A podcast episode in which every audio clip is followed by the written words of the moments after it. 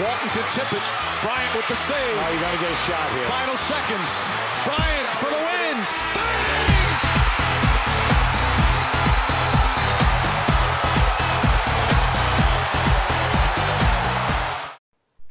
Welcome back di Memphis Family Basketball Podcast. Masih dengan gue Rio di sub episode update harian NBA. Untuk tanggal 6 Januari. Semenjak terakhir itu kalau nggak salah gue update itu tanggal 3. Jadi udah tiga hari. Dan gue bakal ngerangkum uh, beberapa hal yang menurut gue menarik yang terjadi selama tiga hari ini dari NBA. Langsung aja yang pertama kita injury update dulu. Uh, tanggal 4 Januari kemarin Kevin Durant itu terkena protokol kesehatan. Jadi mungkin Kevin Durant akan dikarantina uh, selama satu mingguan. Dan tentu ini bakal ngurangin powernya Brooklyn Nets. Karena karena kita tahu uh, untuk beberapa pertandingan ke depan Nets tuh kalau nggak salah bakal ada game ngelawan Utah Jazz dan 76ers itu game yang lumayan berat jadi mungkin ketidakhadiran KD bakal membuat Kyrie Irving lebih bekerja keras sendiri. Berikutnya injury update kedua itu dari rookie pick nomor 7 tahun ini Killian Hayes yang dipick oleh Detroit Pistons. Uh, dikabarkan terkena labrar tear labrar tear hip jadi itu kalau diartikan itu kerusakan akibat robekan pada tulang rawan dan jaringan di soket pinggul soket pinggul itu antara paha dan pinggul atau pinggang kalian ibaratnya dan itu umum terjadi di atlet. Cuman ini si Kylian Hayes bakal absen 6 sampai 9 bulan, lumayan lama bahkan mungkin sampai hampir sampai akhir musim. Detroit kehilangan dia. Jadi mungkin yang bakal ngegantiin Kylian Hayes itu dari Cross bakal lebih banyak menit bermainnya. Uh, dan juga point guardnya siapa? Gue lupa lah ya Detroit pemainnya agak nggak terkenal jadi gue nggak update banget. Uh, mungkin cukup untuk injury update yang penting-penting itu. Sisanya ada beberapa pemain cedera cuman mungkin namanya masih sangat asing jadi nggak gue update berikutnya berita paling heboh beberapa hari ini yaitu Steph Curry career high 62 poin saat pertandingan melawan Blazers sekitar dua hari yang lalu uh, Curry mencetak 62 poin, 18 dari 31 tembakan, 8 dari 16 3 point, 18 dan dari 19 free throw. Cukup banyak juga udah kayak James Harden. Uh, jadi ya gue bakal gue tetap di omongan gue dari episode 1 orang tuh menurut gue orang kebanyakan underestimate atau underrating underrate si Steph Curry hanya karena musim lalu Warriors hancur, Clay cedera, Kevin Durant pergi, dan si Curry juga sempat cedera patah tangan. Jadi orang seakan-akan melupakan begitu saja seorang dua seorang dua kali MVP dan first anonymous MVP yaitu Steph Curry. Sedikit yang mau gue ulas. Uh, menurut gue Steph Curry ini pemain paling penting di Golden State dengan atau tidak adanya Kevin Durant. Fakta menarik, Golden State Warriors itu plus 15,7 poin per possession ketika Curry dan Durant bermain. Tapi ketika Curry absen dan hanya Durant, itu Golden State cuma plus 3,1 poin per possession. Sedangkan ketika Durant gak ada dan Curry bermain, Golden State Golden State Warriors itu plus 10,9 poin per, possession, per possession. By the way, yang per possession ini per 100 possession itu yang biasa dijadikan metrik atau acuan dalam parameter statistik di NBA. Mungkin di beberapa episode mendatang gue bakal sedikit menjelaskan tentang itu. Jadi yang mau gue sampaikan dari statistik menarik tadi itu bisa disimpulkan sebenarnya Golden State Warriors itu ya timnya Curry. Dan sistemnya Golden State Warriors itu dibangun di sekitar Curry. Jadi ketika Curry nggak ada ya sistemnya nggak jalan dan permainannya nggak begitu jalan walaupun ada KD di sana. Karena sebenarnya ya menurut gue dulu 2016 KD ke sana ya GSW perlu buat match up LeBron James. Jadi wajar dan GSW juga nyari satu isolation player yang bisa menjamin poin setiap kali dia megang bola dan itu adalah Kevin Durant.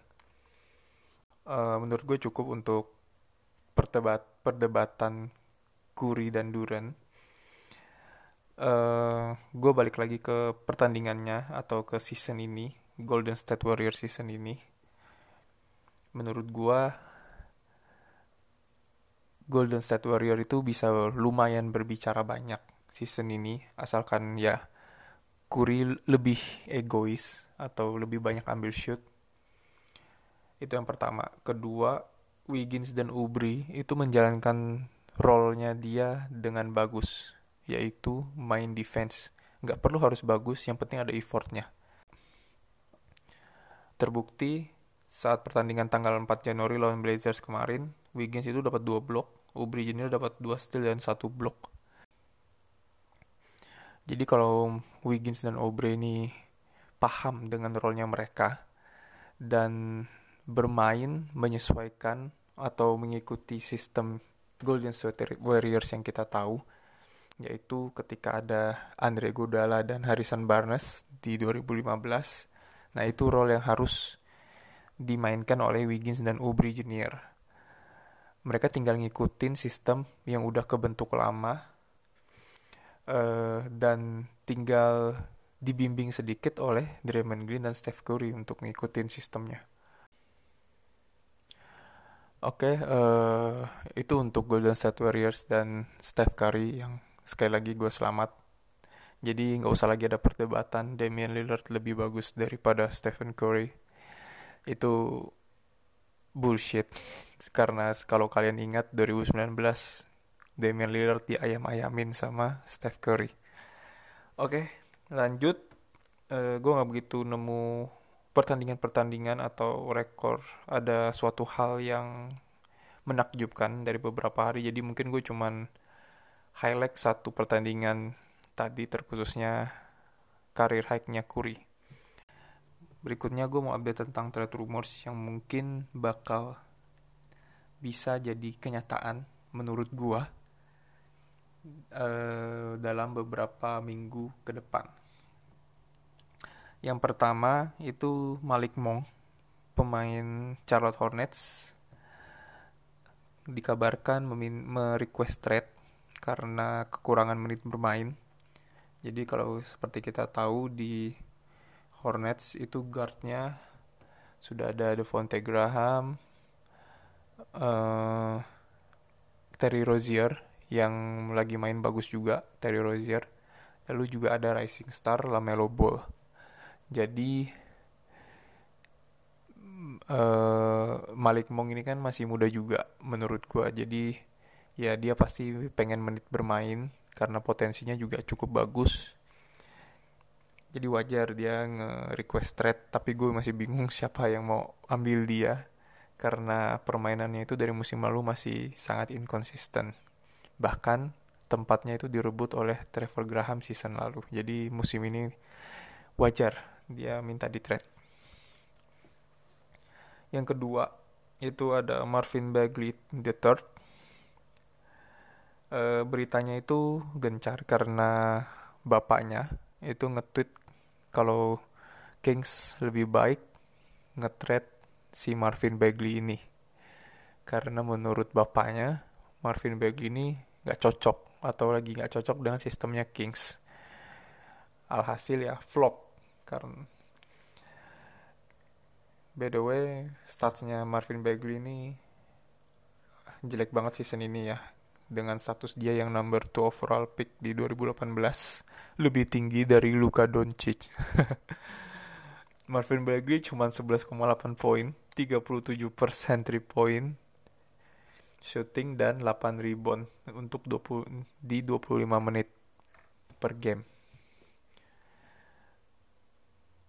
Jadi juga uh, kalau kalian nonton Knicks atau baca beritanya update beritanya itu Bagley juga uh, dicadangin rata-rata kebanyakan dicadangin di kuarter keempat yang di mana itu kuarter penentuan.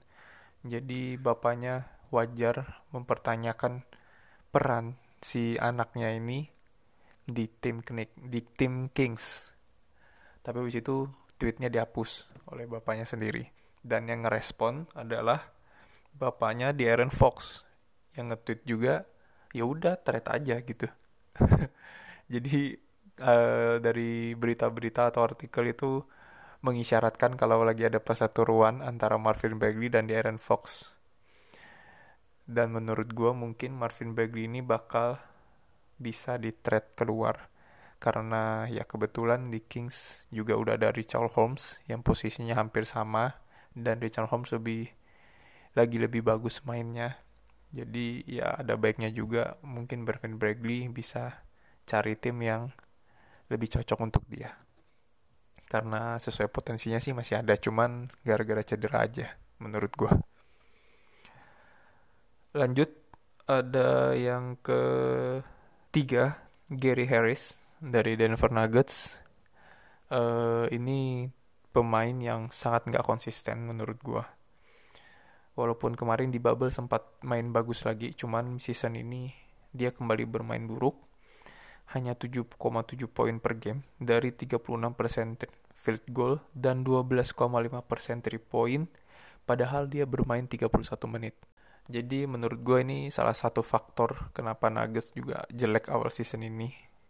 Ya karena Gary Harris main 31 menit tapi kontribusinya nol uh, by the way Gary Harris ini salary-nya juga lumayan gede 19 juta untuk season ini dan 20 juta untuk season depan. Dan setelah lihat performanya Gary Harris menurut gue tim-tim juga bakal ragu buat ngambil dia. Walaupun umurnya masih lumayan muda mungkin sekitar pertengahan 20-an cuman dari beberapa musim lalu memang udah on inconsistent dan gajinya juga ya seperti yang gue bilang terlalu gede. Dan yang terakhir ada rumor ini yang lebih paling mengejutkan menurut gue Draymond Green ke Portland Trail Blazers. Source-nya itu dari Sam Amick yang diskusi dia di Athletic NBA Show. Katanya di situ itu Dem dan Dre itu teman dekat sebenarnya. Dan salah satu kondisi agar Blazers bisa trade Draymond Green yaitu kalau GSW nggak contending season ini dan performanya GSW nggak bagus ketika Draymond Green sudah mulai comeback. FYI, GSW semenjak Draymond Green comeback itu 2-1 dan Draymond Green cuma main 22 menit, 2 poin, 5,7 rebound dan 4 assist. Yang di mana kontribusinya tuh agak kecil dibanding Draymond Green yang kita tahu. Jadi mungkin kita masih nunggu sampai beberapa pertandingan ke depan atau mungkin dekat-dekat trade deadline untuk melihat kemungkinan ini.